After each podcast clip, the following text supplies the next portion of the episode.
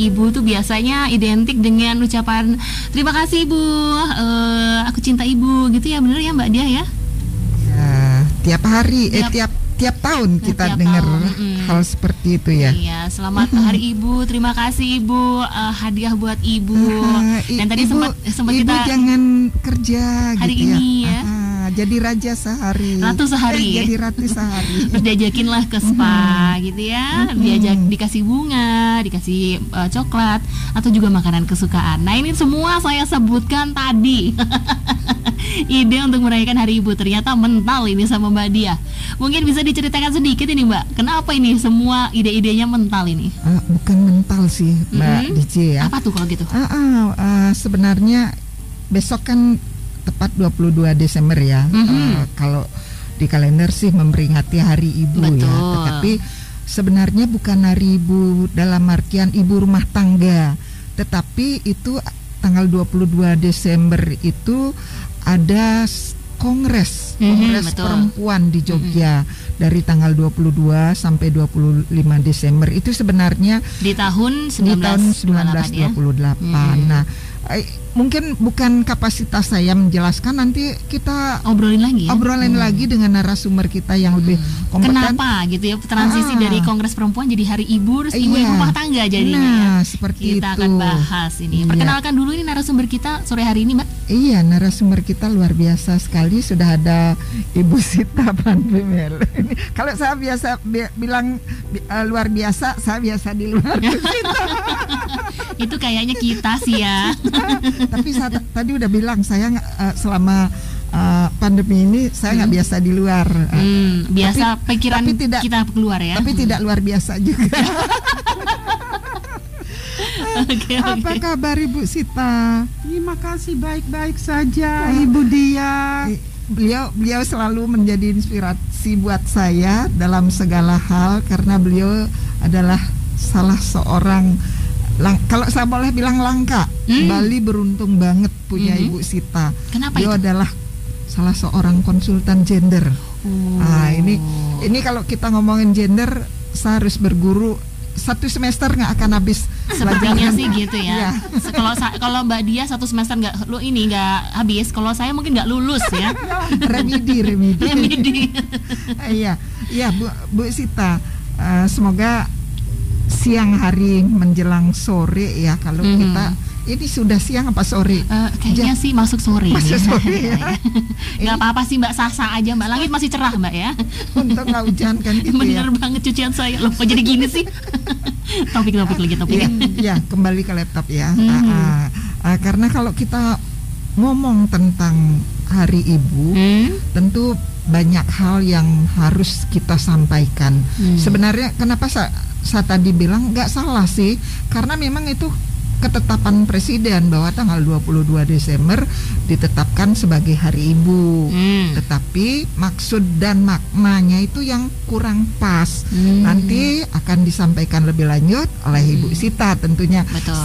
Saya masa muridnya ngomong tentu ada ada suhunya Karena harus sudah belajar. Nah. Nah tuh dengerin tuh udah belajar gitu iya. katanya. Untuk untuk belajar takut salah, saya nervous kalau di depan. Masa. Ayo, iya Bu Sita, kenapa ya. itu Bu Sita? Silakan. Ya saya sendiri uh, sebenarnya juga tadi berpikir apa yang bisa disampaikan mengenai Hari Ibu. Mm -hmm. Ya, jadi saya kembali ke satu buku uh, tentang Kongres Perempuan uh, yang diadakan tahun 1928 eh, di Jogja untuk uh, mengingatkan uh, saya sendiri lagi mm-hmm. sebenarnya maknanya apa. Nah,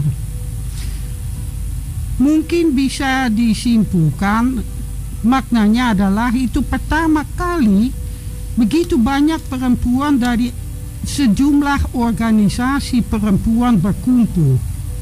Itu pada waktu itu luar biasa kan?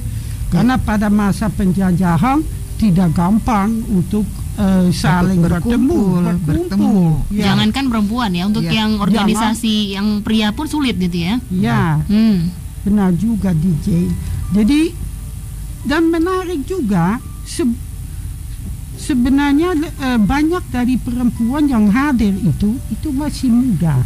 Oh. Jadi yeah. kita sering berpikir, yeah. oh tokoh perempuan itu sudah mapan, yeah. sudah dewasa. Apa, nah, sudah. Mm. Nah sebenarnya mereka yeah. sudah dewasa lah. Mm -mm. Tapi uh, misalnya ketuanya itu bar dia mungkin yang termasuk yang paling tua 39 30. tahun.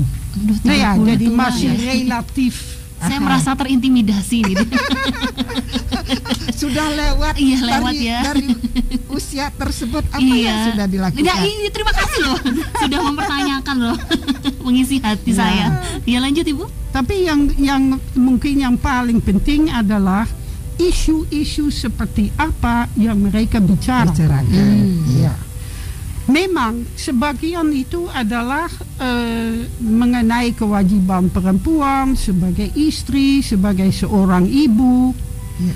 Tapi ada juga isu sosial yang mereka angkat. Mm. Nah, kemudian yang menarik juga adalah bahwa sama dengan sekarang organisasi perempuan yang hadir di sana tidak sepakat mengenai semua isu. Oh, masih ada pro kontra. Ya, kita ya? lihat sendiri ya. sekarang mm -hmm. juga masih ada pro, pro dan kontra. Ya kebetulan saya belakangan ini beberapa kali uh, menulis dengan teman mengenai perkawinan anak. Mm, ya, ya. Nah, itu juga masih ada yang berpendapat, oh kalau sudah akil balik, akil balik, oke. Okay. Mm jadi tidak usah nunggu sampai usianya usia 19 tahun sesuai dengan undang-undang perkawinan. Tidak, yang sudah direvisi oh, yang sudah direvisi. ya usia ya. minimal ya. sudah sudah ditingkatkan ya, disamakan 19, dengan ya. an, uh, antara laki-laki dan perempuan anak, ya. ya.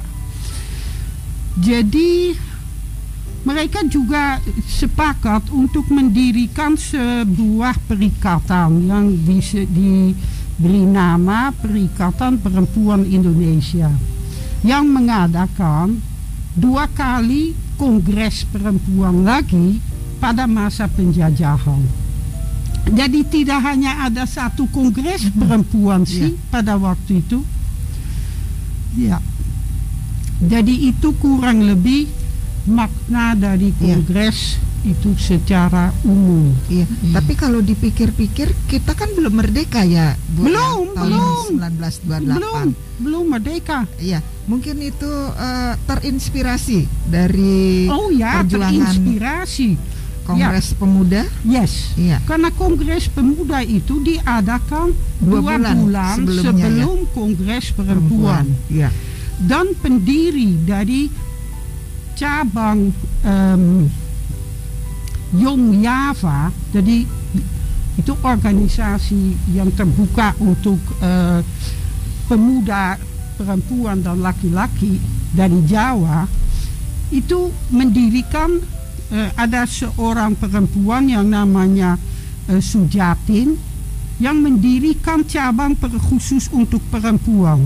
Itu mm -hmm. namanya Putri Indonesia. Indonesia, ya.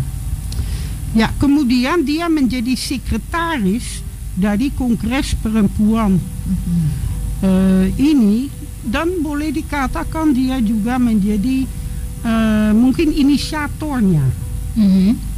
Tapi ya tentunya untuk uh, kedudukan sebagai ketua ya itu harus di harus dipilih seorang perempuan yang lebih yang statusnya lebih tinggi karena Sujatin pada waktu itu baru 21 tahun. Mm -hmm.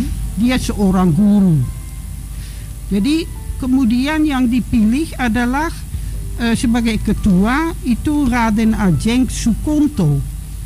Dan dia dari uh, organisasi uh, Wanito Utomo. Jadi itu cabang perempuan dari Budi, Budi Utomo. Utomo. Yeah. Jadi semua yang belajar uh, di, uh, dari SD sampai SMA itu pernah apa nih dapat mengetahui mengenai Budi Utomo pada saat mereka dapat mata pelajaran sejarah kayaknya ya. Betul. Ya. ya. Tapi bagaimana bahwa juga ada cabang perempuannya itu saya tidak yakin itu juga masuk masuk buku buku ajar sejarah buku pelajaran ya ya buku nah kalau um, kalau ibu itu itu dia kakak dari tokoh pergerakan nasionalis ya. yang namanya Ali Sastro Amijoyo ya ya dia hmm. sendiri sebenarnya tidak terlalu berpendidikan ya. baru setelah menikah dia belajar untuk menulis dan membaca dengan huruf Latin. Mm. Ya. Jadi kemudian wakil ketua itu adalah uh, Nyonya Nyi Hajar Diwantara. Nah tentunya itu istri dari Ki Hajar Dewantara, Ki Hajar Dewantara yang juga masuk buku ajar ya. sejarah sih. Ya. ya. dan uh, dia ketua dari organisasi perempuan wanita Taman Siswa. Uh, Taman Siswa. Ya. ya. Sebenarnya nama uh, nama waktu sebelum menikah adalah Raden Ajeng Sutarina Sasraningrat dari Pakualam. Hmm. Ya. Orang, Jadi orang Ningrat. Orang Ningrat. Ya. Jadi ibu eh, ketuanya Ningrat. Ya.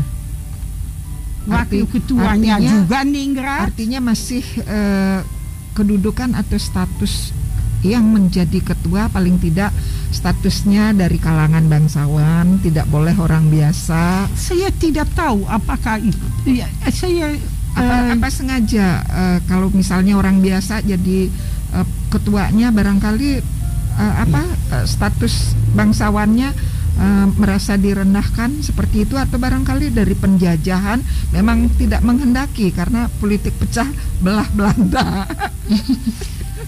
um, sebenarnya kongres ini dapat dukungan dari pemerintah kolonial sih. Iya.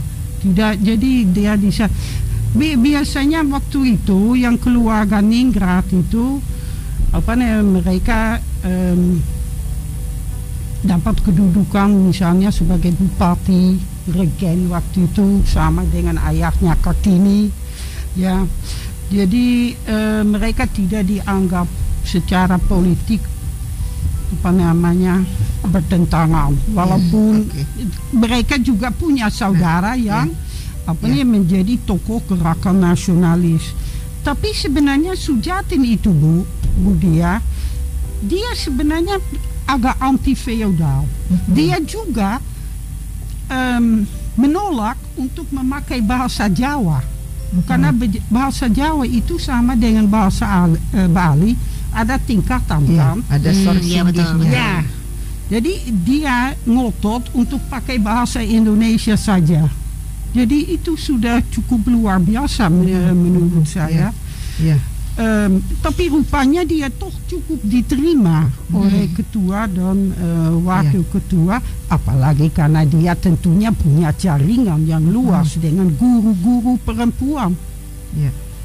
itu di Jogja sendiri ada sejumlah uh, sekolah guru pada hmm. waktu itu yeah. nah kembali kalau kembali tadi pertanyaan di awal dari Mbak DJ maknanya tadi kalau tadi dibilang uh, bukan sekedar memberi hadiah ibu kita. Nah, mm -hmm. sebenarnya maknanya Hari Ibu itu di mana Ibu? Nah, maknanya nih kita tunda dulu. Uh -huh. saya ditemani Mbak Diah dan narasumber kita membicarakan uh, saat ini masih di Kongres Perempuan tapi kita sudah bergeser sebenarnya ke makna dari Hari Ibu. Mungkin bisa dijelaskan Ibu, makna Hari Ibu ini sebenarnya seperti apa? Iya, tapi tadi Bu Sita juga belum belum selesai menjelaskan. Hmm. Oh, silakan okay, okay. Ibu. Silakan dilanjut sampai, Bu, dilanjut, Bu. Uh, Sebentar aja. Iya. silakan, silakan. Silakan, silakan. ini ya Kongres Perempuan uh, itu apakah itu memang bisa dikatakan Kongres Perempuan Indonesia? Soalnya itu yang hadir di sana hampir semua perempuan Jawa. Mm-hmm. Tidak Jadi, mewakili seluruh Tidak mewakili seluruh Indonesia sih. Oh gitu. Ya, ya hmm. itu waktu ya. itu juga tidak mungkin itu hmm. dari segi biaya ya, ya, dan betul. sebagainya. Juga apa namanya hubungan antar organisasi di di di di zaman itu tidak zaman ada itu, koordinasinya. Ya, jarang. Iya. Masih jarang. Tetapi uh, organisasi pemudanya justru terorganisir gitu ya. Kenapa begitu? Iya. Karena itu banyak terde- karena Berarti masih ada diskriminasi. Enggak, itu saya Aha. berpikir itu apa namanya eh, demikian karena eh, kondisi. Jadi siapa yang menjadi anggota dari eh, organisasi, tersebut. pemuda Iya. itu pelajar Yang sekolah di Jawa. yang sekolah di Jawa dan Iya. mereka datang dari mana-mana. Mhm. Ya. Tapi perempuan tidak ada seperti itu. perempuan itu yang eh, yang eh, karena ada juga eh, organisasi perempuan misalnya lumayan di Iya. Sumatera Barat Iya. misalnya bahkan di apa namanya sekitar Bandung itu Dewi Sartika waktu itu masih hidup Hmm. tapi dia tidak hadir Mhm. padahal dia sudah dikenal, sangat dikenal eh, oleh Di kalangan perempuan. kalangan perempuan sebagai Penasaran sih saya, kenapa Iya. bisa nggak datang itu? Nggak punya tiket. Iya, saya penasaran loh sebenarnya. Ini masih di Pulau Jawa kan ya Bu ya? Ya, itu Ah. masih di Pulau Jawa. Hmm. Jadi ada peserta memang dari yang saya tahu yang datang dari Surabaya misalnya. Ya, sebenarnya masih ada banyak pertanyaan yang belum terjawab. Misteri ya, misteri ya, ya. kita, Mm-mm. kita bisa menjawab pertanyaan apa yang terjadi, siapa yang hadir, apa yang dibicarakan. Tapi kenapa organisasi tertentu tidak hadir? Hmm. Kenapa? Tokoh-tokoh tertentu juga. Mm. Iya, itu apa namanya masih Sampai sekarang belum terjawab itu pertanyaannya. Hmm. Mungkin juga salah satu alasan adalah bahwa Kongres Perempuan ini tidak dipersiapkan benar-benar Dengan matang. hari. Iya. Hmm, Ya. Oh mendadak gitu ya? Ya, Hmm. dan ada dengan anggaran ya itu bukan seperti sekarang ya kita Aha. mengajukan proposal kemudian Nggak. Karena belum ada negara waktu itu kan negara Indonesia belum terbentuk seperti itu. Ya kan belum belum tapi bisa. ya apa namanya ah, ah. dan memang itu mungkin eh, masih mau diadakan seba- dengan eh, daya sendiri Iya. Hmm, tanpa betul. bantuan dari pemerintah kolonial. Iya. Apalagi kondisinya pada saat itu juga belum memungkinkan ya Bu ya? Mm-mm. Hmm, hmm, hmm. Ya. Ya, kemudian Ibu eh, Yang isu yang dibicarakan Oh, yang nah ini- sebenarnya merupakan menurut saya ya itu eh, salah satu kontribusi yang Mhm. yang eh, perlu diketahui masyarakat dari Kongres Perempuan eh, ini itu karena ada sebanyak isu yang eh, dibicarakan selain bagaimana kewajiban ibu dan eh, eh, seorang ibu istri dan pengasuh anak. Hmm, isu yang dibicarakan adalah satu hak perempuan dalam perkawinan tidak ada. Mhm.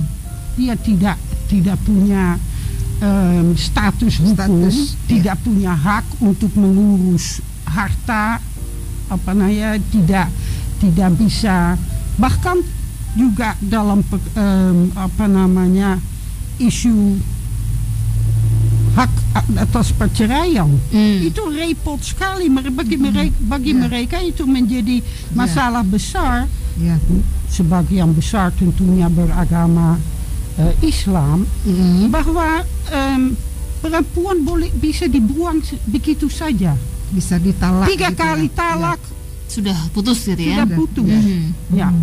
nah itu tentunya sudah diubah melalui undang-undang Ya. perkawinan 1974 memang apa namanya jadi eh, talak bisa tidak bisa lagi dilakukan eh, begitu gampang Mhm. Hmm, betul Ya. betul betul. betul Ya. harus ada untuk mendapatkan perceraian Ya. seorang laki-laki harus punya alasan yang diakui oleh Negara. eh, negara Ya. jadi ingat aja itu tahun 2008 eh, 1928 28. sudah diangkat tapi baru ada solusinya Ya. mm-hmm. hampir 50 setengah abad kemudian. Betul, betul, betul, betul. Ya, ya, ya, ya. Telat jadinya. Telat Mung- banget. Nah, ya, Ya, itu ini jadi pertanyaan sebenarnya ya.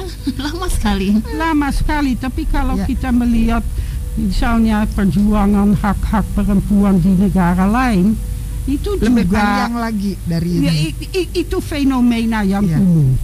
Mhm. Apa namanya untuk membawa perubahan itu benar-benar merupakan perjuangan yang Hmm. eh, gigih selama sering kali puluhan tahun. Iya. Nah, tapi sebenarnya walaupun masalah itu boleh dikatakan di ya, kurang lebih diselesaikan ya, em, masih ada banyak sekali isu terkait eh, hak perempuan dalam perceraian Iya. yang lain. Misalnya Ya. di Bali, hak asuh, Ya. hak atas harta gunung gini. Iya. Itu perempuan masih Sampai sulit sekarang. mendapatkannya Sampai, sekarang. sekarang. Iya. Nah, kemudian isu ketiga adalah penjodohan oleh orang tua. Anak itu dika, anak perempuan dikawinkan dengan seorang laki-laki yang Yang belum pernah dikenal. dia temukan. Ini contohnya si, Iya, eh, Siti Kartini Nurbaya. juga. Iya. Siti Nurbaya. Siti Nurbaya itu novel. Sedangkan Kartini itu apa nyata ya. Iya, nyata. Nyata ya, ya. Nah, itu Mungkin masih banyak. Pada masa lalu itu lumrah ya Ibu ya. Iya. Dan sudah Lumrah, prak- ya praktek yang lumrah. sering dilakukan. Berarti Iya. perempuan harus manut, Hmm. harus ngikut apa Iya. apa tapi kata. jangan lupa tidak selalu yang anak laki kalau kalau dijodohkan dengan anak laki-laki, anak laki-laki juga eh, bisa saja belum dewasa. Ya. belum betul. juga apa, Siap belum ditanya apakah dia mau atau enggak. Iya. Jadi memang lebih condong eh, itu men- menjadi eh, masalah yang condong ke perempuan, tapi laki-laki kadang-kadang juga merasakannya. Iya. Karena itu percerai, tingkat perceraian tinggi, Sangat tinggi. Iya. khususnya di Jawa. Iya. Dan itu diper, dipermudah oleh hukum eh, Islam pada waktu itu. Iya. Jadi banyak sekali janda muda, daun muda. Hmm, Iya. ya. Betul. Nah, kalau sekarang kita melihat bahwa memang anak perempuan yang dijodohkan oleh orang tua memang masih ada. Tapi gayanya di Bali sudah tidak lagi ya. Tapi bahwa anak perempuan masih bisa menikah di bawah umur itu pun di Bali masih ada. Masih masih Iya. ada. Iya. Masih. Jadi memang persoalannya sudah sedikit bergeser Ya. Sih, tapi tidak berarti sama sekali tidak ada lagi. Nah, ma- kemudian masalah keempat adalah poligami. Nah, sebenarnya panitia mencoba untuk menghindar diskusi tentang itu Hmm. pada saat kongres karena mereka tahu itu suatu isu yang sensitif dan di sana juga ada wakil dan pembicara dari organisasi Aisyah. Ya, yang sama dengan organisasi Aisyah yang sekarang dari Ya. Muhammadiyah kalau nggak salah ya. Ya. Em, waktu pe- eh, pembicara dari organisasi itu berbicara itu dia ditantang oleh seo- seorang eh, perempuan lain yang sangat anti poligami yang bergaya seperti Soekarno ya Ya. nah ini juga suatu masalah yang masih masih hangat sampai sekarang ya poligami Ya. bahkan sekarang saya lihat Masih banyak ada sering orang. saya lihat seminar Mhm. bagaimana eh, ber- bisa beristri lebih dari satu ya Iya ada itu ada itu. ada itu Hmm. nah mahal lagi Mendingan Ya. juga disumbangkan sih kalau saya Iya. bilang. ya tapi di masyarakat di masyarakat Bali yang menonjol bagi bagi saya ya bahwa sampai sekarang fenomena poligami masih ditemukan juga Iya. Betul. khususnya di daerah tertentu di Ya. pedesaan kalau orang terpelajar biasanya apa namanya sudah mulai sudah sudah malu ya yeah. ambil istri kedua. Uh-huh. Sedangkan dulu itu kebanggaan. Kebanggaan. Hmm. Ya. Apalagi kalau istri berikutnya statusnya juga setara gitu ya. Uh, yeah. Karena kalau status lebih tinggi nggak mungkin sih setara biasanya. ya misalnya seperti suami saya, uh, ayah suami saya, dia Bangsawan, beristri empat. Yeah Ah, okay. Ya, itu eh, sedangkan dua sebenarnya dari gereja yang sama. Iya. Ya. Hmm, oke okay, oke. Okay. Tapi saya melihat sekarang masyarakat Bali diam aja. Mm-hmm. Itu tidak, saya juga tidak melihat bahwa itu pernah diangkat sebagai suatu uh, masalah ya. Masalah. Jadi itu mungkin karena perempuan pemah, uh, pemerhati perempuan Bali itu tidak melihat gejala itu di lingkungan sendiri. Hmm. Padahal di luar sana banyak. Iya, nah ya saya, saya juga tidak tahu angkanya sih. Iya.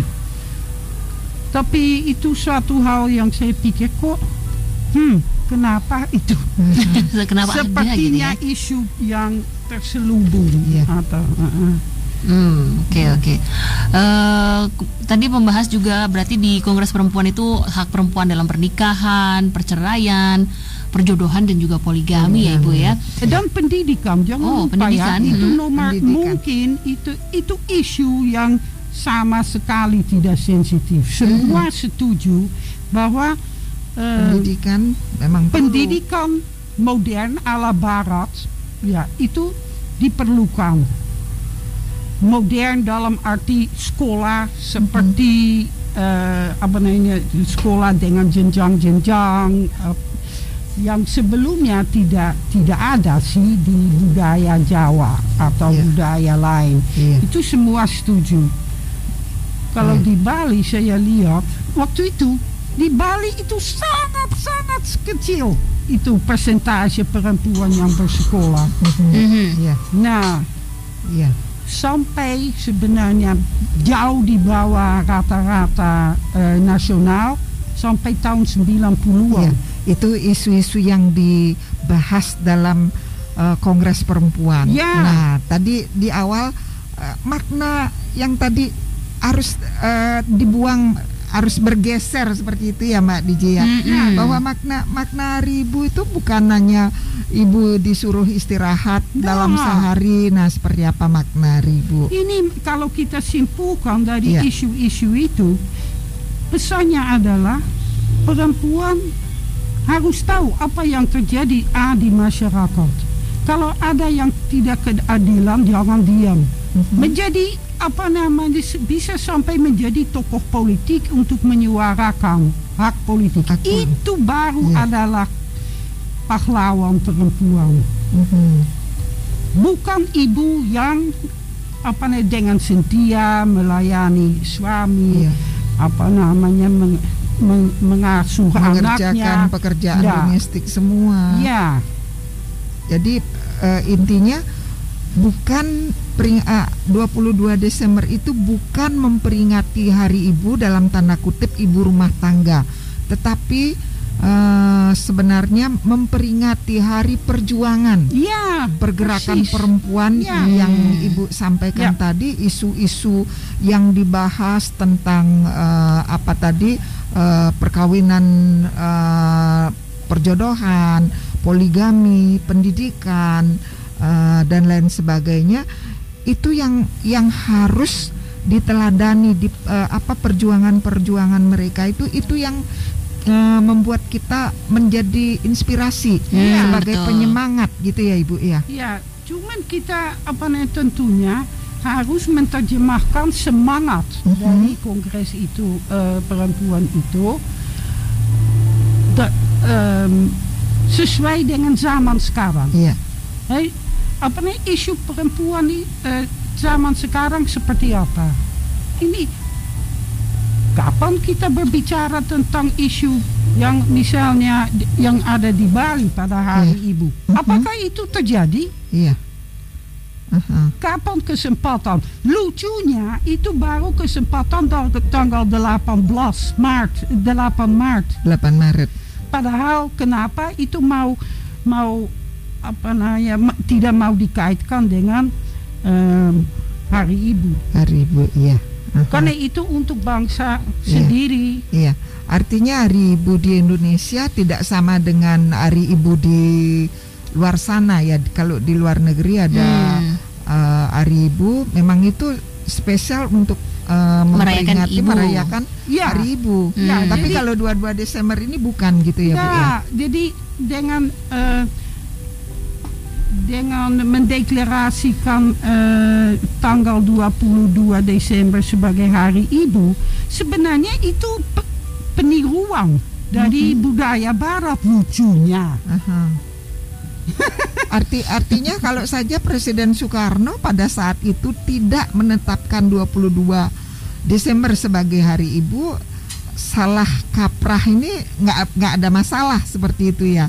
Tetapi karena di sana sudah ditetapkan sebagai Hari Ibu dan pemerintahan setelah zaman Presiden Soekarno membiarkan sampai saat ini. Sehingga wow, lebih lebih lebih ya sehingga uh, uh, apa itu. Hari Ibu itu sekian um, berapa? 75 tahun kita merdeka.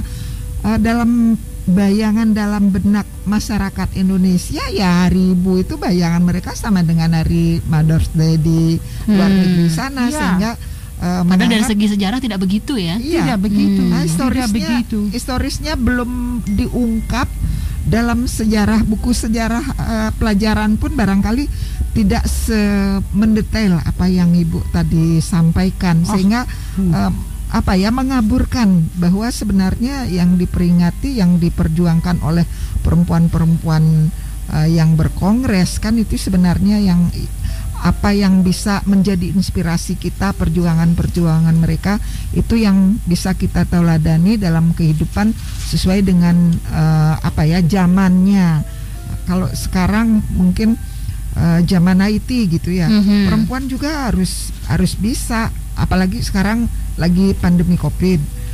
Nah, ini juga tantangan bagi perempuan uh, bagaimana ya. dalam menghadapi situasi COVID uh, suami dirumahkan atau bahkan di PHK. Nah, peran perempuan itu seperti apa? Itu barangkali ya Bu Sita. Ya, itu itu memang isu uh, yang khas untuk tahun 2020 ini ya. ya. Itu ya saya saya melihat bahwa baik laki-laki maupun perempuan itu banyak yang kehilangan pekerjaan mm-hmm. apa namanya ya ada yang kreatif yeah. itu mencari kesibukan yang eh, atau mata pencarian yang baru mm-hmm. um, dengan memakai IT yeah. ini bagi perempuan memang itu berarti ada semacam kemajuan mereka menjadi mm-hmm. melek IT paling sedikit yeah. mulai memakai HP yeah. ya untuk memasarkan misalnya uh, apa aja yang mereka produksi mm-hmm. hey, uh, saya lihat itu sekarang Raja Leila kan ya. itu di di Instagram anak saya lebih pintar memakai itu dan belanja nah. lewat Instagram. ya, ya. Kalau kalau tadi dari penjelasan Ibu Sita kan banyak sekali sebenarnya salah kaprah yang sudah kita terima warisan yang sudah kita terima 75 tahun lebih uh, dari uh, semenjak Kongres Perempuan itu kan. Nah, apalagi setelah Presiden Soekarno, Presiden Soeharto bahkan mempersempit hal nah, itu ya. Ya, sebenarnya itu ada latar belakang politiknya. Mm -hmm. Itu mungkin jarang ada perempuan yang pada saat hari ibu memikirkan sejarah politik ya. ya. Tapi ya sibuk ya, dengan ibunya, sibuk dengan ibunya. Sebenarnya saya bukan hanya konsultan gender, tapi saya mm -hmm. juga sejarawan. Um, jadi pada masa Orde Baru kita semua tahu masa Orde Baru sebenarnya permulaannya G30S kan? Yeah. Ya. Nah, kita juga tahu bahwa uh, itu narasi yang diangkat yang oleh dibangun oleh, yang dibangun oleh ya. zamannya Orde Baru ya. Zaman Orde Baru, ya. Itu adalah bahwa anggota sebuah organisasi perempuan itu organisasi namanya Gerwani mereka yang memutilasi tujuh jenderal yang dibuang ke lubang buaya lubang buaya padahal ya teman saya dia mewawancarai beberapa ibu mm -hmm. jauh setelahnya yang ada di sana waktu itu anggota Gerwani en mereka semua menyangkal bahwa itu terjadi mm -hmm. tapi Soeharto ingin mendemonisasi organisasi wanita yang vokal tentang hak perempuan. Salah satunya Gerwani. Yang paling vokal ya. itu Gerwani. Mm-hmm. Dan dia membangun strategi untuk memasukkan semua perempuan apa namanya dalam organisasi yang baru. Misalnya untuk um, pegawai negeri kita semua Dharma tahu wanita. Dharma Wanita, Bayangkari, Dharma Pertiwi, Dharma Pertiwi dan iya. sebagainya. Yeah. Semua organisasi sebenarnya anggotanya dituntut untuk mendukung karir suami, bukan untuk memperjuangkan hak, perempuan. perempuan. Mm -hmm. Ya. Jadi organisasi lain uh, perempuan yang berafiliasi dengan um, partai politik lain pada saat orde. Orde baru. Orde lama. Orde lama. Ya mereka juga di, uh, tergeser. Mm -hmm. soalnya sistem politik pada masa Soeharto tinggal tuh tiga partai aja kan? ya, ya. ya. jadi P, uh, PDI Golkar, Golkar dan PPP ya. Mm -hmm. Jadi du, sebelumnya orde orde lama, orde lama berapa multi partai? partai? Multi partai. Ya. Dengan cabang perempuan masing-masing dengan cabang perempuannya. Mm-hmm. Ya, yang memperjuangkan ya wanita Katolik, wanita ya. Kristen, wanita dan seterusnya dengan agenda masing-masing. Mm-hmm. Ya. Apa namanya menguap saya pernah mewawancarai se, uh, seorang ibu yang ketua dari organisasi uh, uh, perempuan Kristen. Dia frustrasi sekali karena apa namanya setelah uh, beberapa tahun orde lama apa yang diperjuangkannya tidak mau lagi diakui. Mm-hmm. Ya. Jadi itu adalah sejarahnya. Jadi organisasi perempuan yang vokal itu diganti dengan organisasi baru yang tidak vokal yang memang yang peran menempatkan ya. peran perempuan seperti sesuai dengan Hari Ibu dalam penafsiran sekarang. Iya. Mhm. Sehingga makin mengkerdilkan peran makin perempuan. Mengkerdilkan. Nah, berarti uh, kalimat yang selama ini kita dengar di mana ada seorang laki-laki yang berhasil adalah ada nah, perempuan di balik sukses laki-laki itu. Di balik lelaki sukses ada, ah, perempuan, ada perempuan yang mendukung. yang mendukung. Ya saya berpikir itu bisa dibalikkan juga. Harus dibalikkan ya. Nah, tapi ini uh -huh. dalam praktek itu juga sering yeah. uh, um, berlaku. Uh -huh. apabila ada perempuan yang sukses pasti ada laki-laki di belakangnya. Seringkali ayahnya ya. suaminya. Mm-hmm. ya. Jadi itu sebenarnya tidak bukan prerogatif kaum mm-hmm. laki-laki. Iya. Betul betul. Ya. Karena sering kalimat-kalimat seperti itu yang yang kita dapatkan dari ya, saya tidak mengalami zaman orde lama orde baru ya. Seperti itulah di doktrin uh, berkali-kali kita ah seperti itu ya. makanya begitu kita mendapatkan uh, saya kenal Bu Sita dari 2004 ternyata ini salah apa yang saya lakukan selama ini mm-hmm. uh, menganggap ibu saya adalah pahlawan sebagai seorang ibu rumah tangga sering kita sama sama saudara-saudara ayo tanggal 22 Desember ibu harus istirahat hmm. nah, tapi saya itu itu ti, saya tidak eh, mau mengatakan bahwa hari ibu yang diartikan dan uh, seperti dikatakan Budia itu itu tidak perlu. Iya iya. Itu, itu benar. Perlu. Itu boleh. Perlu. Itu boleh. Iya. Mm-hmm. Kita semua tahu mm-hmm. masih banyak ibu-ibu yang bekerja sebagai ibu rumah tangga, iya. selalu siap meladenin dan mm-hmm. apa namanya penuh kasih sayang. Tentunya mereka juga berhak atas pengakuan. Dan iya. kalau mereka sehari setahun itu dimasakin masakan uh -huh. yang enak atau kalau mau gampang yeah. dibeliin. Hmm, iya iya iya. It's okay. Boleh itu ya. bagus, boleh. Uh -huh. Tapi jangan 22 Desember loh. Oh gitu. Ya, 22 Desember itu lain. Uh -huh.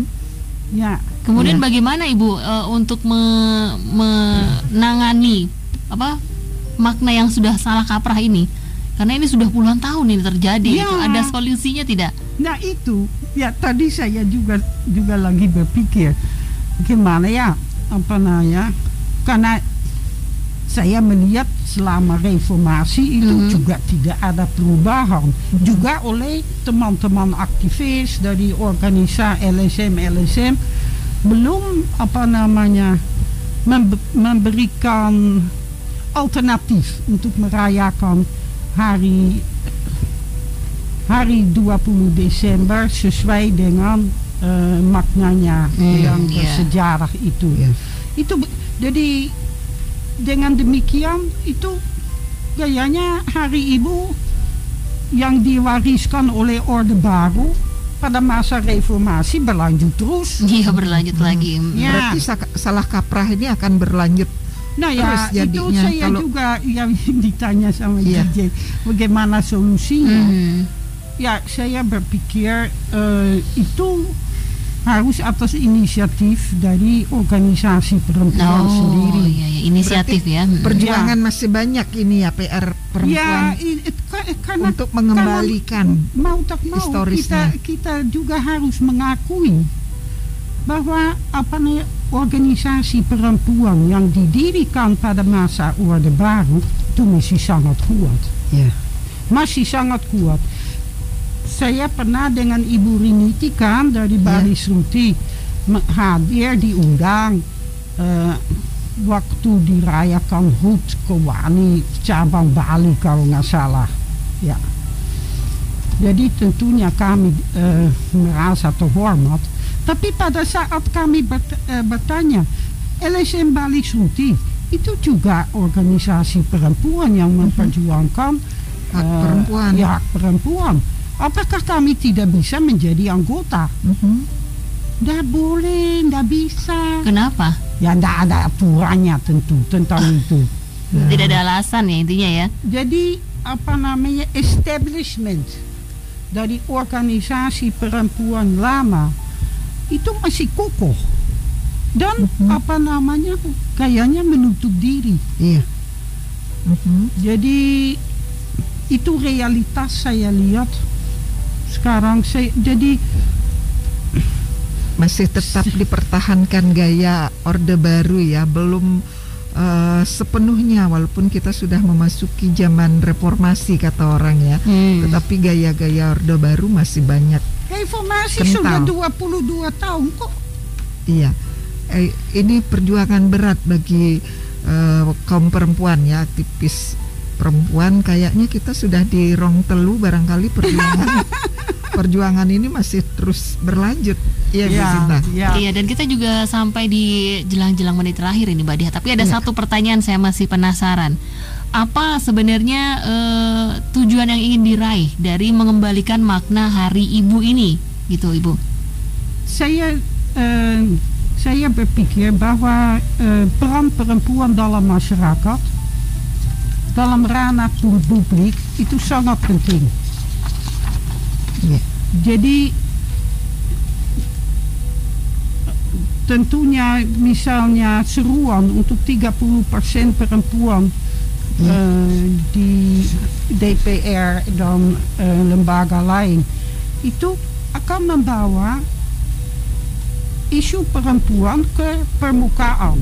Mm-hmm. Belum tentu laki-laki apa nih tahu atau peduli tentang itu padahal dampaknya bukan pada si perempuan itu sendiri saja. Pada semuanya. Pada semuanya. Iya jadi perempuan harus harus mempunyai kesadaran atas uh, peran uh, di dunia publik. Eh, yeah. Tolong tambah Karena ini Bu, Bu Dia juga punya punya bidang ini. Mm, Tapi betul, menurut betul. saya itu uh, hari tanggal 22 Desember itu apa nih sebaiknya juga apa namanya mengangkat kewajiban perempuan di masyarakat, yeah. bukan di komunitas di komunitasnya saja, di tetapi komunitas terdekat iya. aja.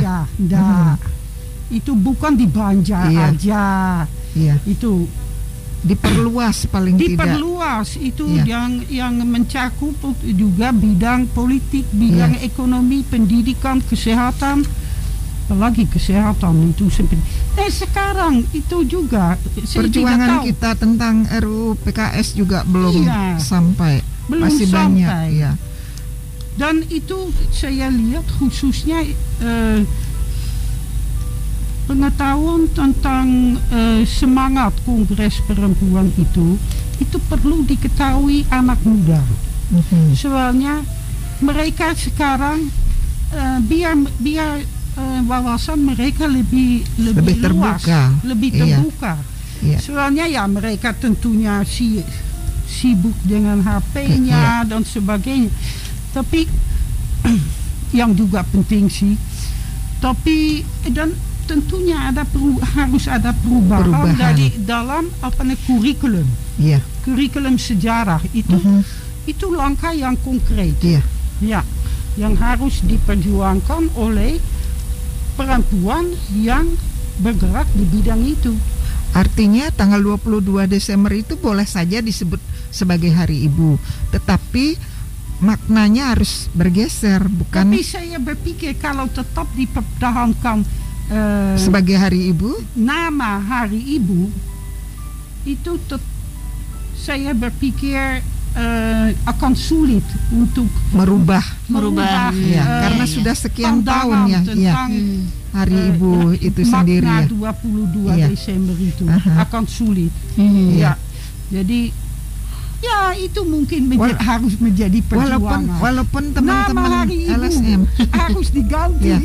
ah, jadi jadi perjuangan teman-teman LSM eh, perempuan aktivis perempuan ini banyak sekali kalau gitu karena kalau itu dirubah namanya walaupun dengan keputusan presiden sekalipun tetapi mindset orang sudah 22 Desember itu hari ibu. Ya. Susah, untuk melepaskan bayang-bayang ya. masa lalu ya. ya. Kecuali barangkali dibuatkanlah uh, hari perempuan uh, dalam hal apa seperti kemarin satu Ma satu Mei ya menjadi hari buruh seperti itu misalnya tapi tentunya ini harus ada sesuatu ya itu apa namanya hari gerakan perempuan tapi mungkin itu kurang uh, kurang gregetnya ya. ya apa namanya hari sumpah pemuda lebih iya. enak iya. ya jadi nah ya itu menjadi tantangan untuk memikirkan iya. bagaimana istilahnya yang tantangan kita ke depan ya, ya, ya, ya, ya. ya. karena kalau tanpa perempuan juga uh, seperti tadi Bu Sita bilang kuota perempuan 30% saja perjuangan kita belum maksimal hmm. bahkan kalau kita tidak kawal itu uh, sampai berdarah-darah hilang lagi kuota perempuan itu kalau iya, kuota betul. perempuan hilang dari uh, apa undang uh, undang-undang tentang kepemiluan otomatis uh, perempuan kita tidak ada yang bisa duduk dalam uh, pembahasan regulasi karena regulasi yang dibuat adalah untuk seluruh masyarakat Indonesia bukan untuk laki-laki saja tetapi juga untuk perempuan. Hmm. Kalau perempuannya tidak baik, tidak sejahtera, anak-anak yang dilahirkan pun tentunya tidak akan menjadi generasi yang baik. Katanya tahun 2045 adalah generasi emas anak-anak Indonesia. Nah, ini kan jadi tanda tanya lagi. Iya, ya, jadi tanda tanya lagi. Iya. Iya, Mbak Dia, ini kita oh, sudah iya. di akhir dari acara Pesona Perempuan sore hari ini. Mungkin Bu Sita bisa berikan satu menit uh, statement penutup. Statement, iya. Mm -hmm. Silakan. saya sudah kehabisan peluru.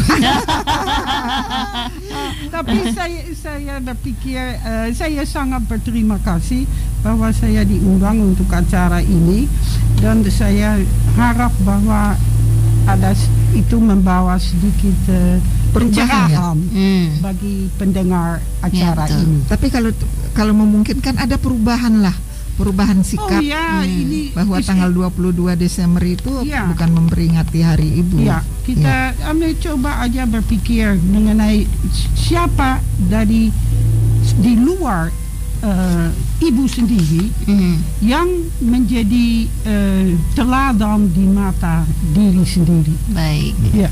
Terima ya, kasih. Pasti ada banyak. Iya. Pasti ada ya. Iya, terima ya, kasih. Terima kasih, Bu ya. Hmm, terima kasih, Modia. Iya. Terima kasih sudah hadir ke studio dan juga menambah wawasan dari para pendengar kita ya. Hmm. Dan saya harap sih bisa berkunjung kembali Bu Sita untuk perbincangan yang lebih lanjut lagi ya. Iya dan kita sampai di sini dulu pendengar untuk sore hari ini di Pesona Perempuan. Nah, dan uh, kita akan kembali berlanjut dengan acara selanjutnya. Tapi sebelumnya ingat pesan ibu, karena sosok ibu adalah sosok yang dihormati oleh semua orang dalam berbagai perannya. Ingat pesan ibu sebagai pamungkas bahwa jika tidak menerapkan protokol kesehatan bisa kehilangan ibu. Maka ingat selalu pesan ibu yaitu 3M, memakai masker, menjaga jarak dan menghindari kerumunan, mencuci tangan dengan sabun di air yang mengalir. Jika tidak dilakukan dapat membahayakan tidak cuma diri kita sendiri, tapi juga keluarga. Jadi jangan sampai menyesal tidak mendengarkan pesan ibu, sebab bisa jadi ibu sendiri yang menjadi korban dari kelalaian kita. Pesan ini dipersembahkan RRI dengan BNPB Republik Indonesia.